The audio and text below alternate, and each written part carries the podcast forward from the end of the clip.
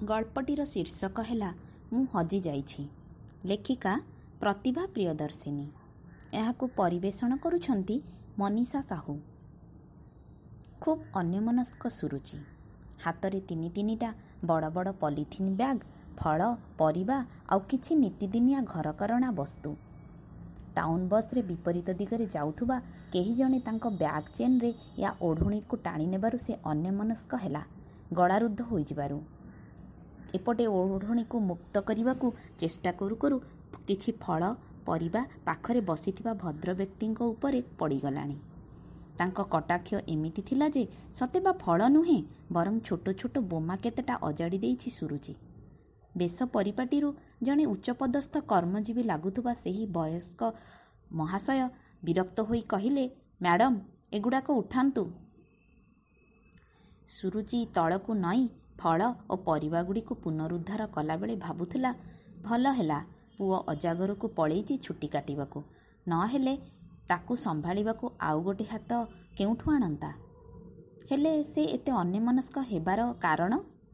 ମିତୁ ମିତା ମହାନ୍ତି। ତା କଲେଜ ଦିନର ସାଙ୍ଗ। ହଷ୍ଟେଲରେ ଗୋଟିଏ ରୁମ୍ରେ ରହୁଥିଲେ। ସୁରୁଚି ସମାଜ ବିଜ୍ଞାନ ଓ ମିତା ସୂଚନା ପ୍ରଯୁକ୍ତି ବିଜ୍ଞାନର ଛାତ୍ରୀ ଥିଲେ।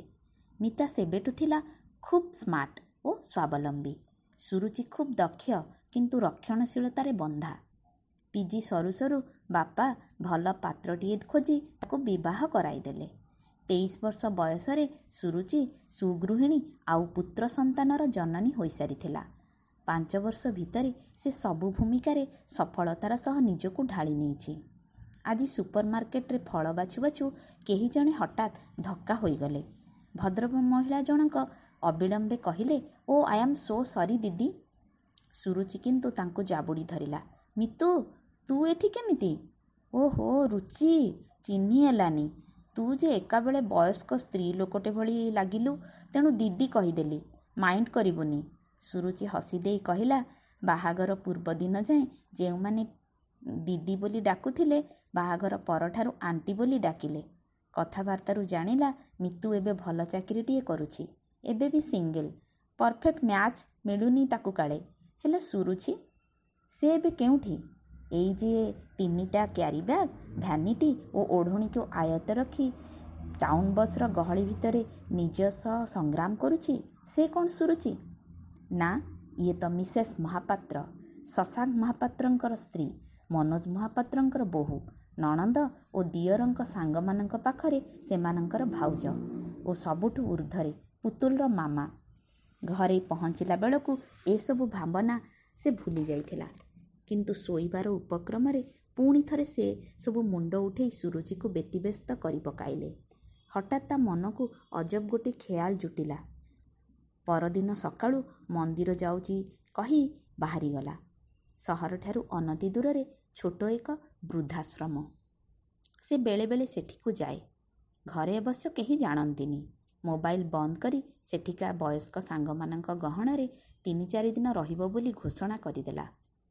ମୁଖ୍ୟ ଉଦ୍ଦେଶ୍ୟ ଥିଲା ଯେଉଁମାନଙ୍କ ଲାଗି ସେ ନିଜକୁ ହଜାଇ ଦେଇ ତାର ପରିଚୟ ଆପଣେଇ ନେଇଛି ସେମାନେ ତା ଲାଗି କେତେ ତତ୍ପର ଓ ଚିନ୍ତାଶୀଳ ଜାଣିବା ଲାଗି ସେ ଏମିତି ଏକ ଅଦ୍ଭୁତ ଗୋଟିଏ ଯୋଜନା କରିଛି।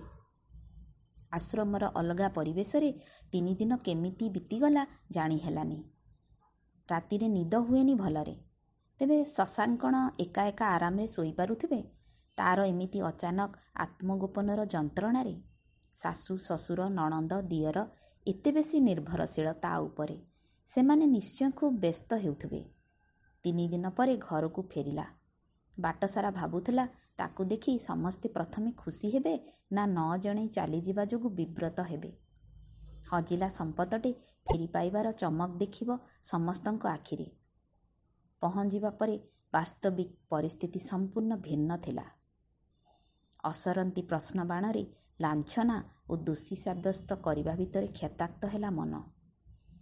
ତୁଟିଗଲା ସବୁ ଆଶା ଦାୟିତ୍ୱହୀନ ସ୍ୱେଚ୍ଛାଚାରିଣୀ ଭଳି ଗୁଡ଼ାଏ ବିଶେଷଣରେ ମଣ୍ଡି ଦେଲାବେଳେ କେହି ଥରେ ପଚାରିଲେନି ସେ କେଉଁଠି ଥିଲା କେମିତି ଥିଲା କାହିଁକି ଗଲା। ତଥାପି କୌତୂହଳ ଥାଏ ତା ମନରେ।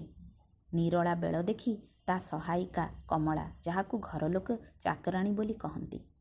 ତାକୁ ପଚାରିଲା ତାଠୁ ଜାଣିଲା ଯେ ସେ ଅନୁପସ୍ଥିତ ଥିବାର ସେମିତି କୌଣସି ପ୍ରଭାବ ନଥିଲା ଘରେ। କେହି ସୁରୁଚି ବୋଲି ମଣିଷଟିକୁ ଖୋଜି ନଥିଲେ। ବରଂ ତା ଦ୍ୱାରା ସମ୍ପାଦିତ ଦାୟିତ୍ୱଗୁଡ଼ାକ ବାଟବଣା ହେଉଯିବା ଯୋଗୁଁ ବିରକ୍ତ ହେଉଥିଲେ।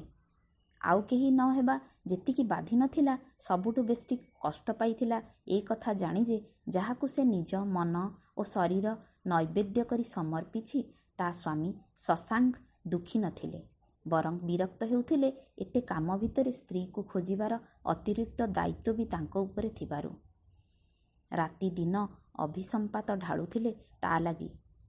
ସତ୍ୟ ସହ ସାମ୍ନାସାମ୍ନି ହେବା ପରେ ଅଜବ ଗୋଟେ ହାଲକା ଅନୁଭବ କରୁଥିଲା ସେ।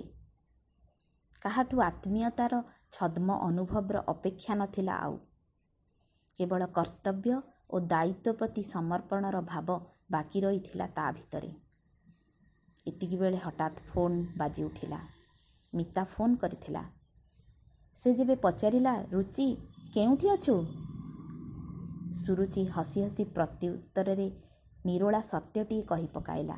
ମିତୁ ମୁଁ ହଜି ଯାଇଛି ରେ।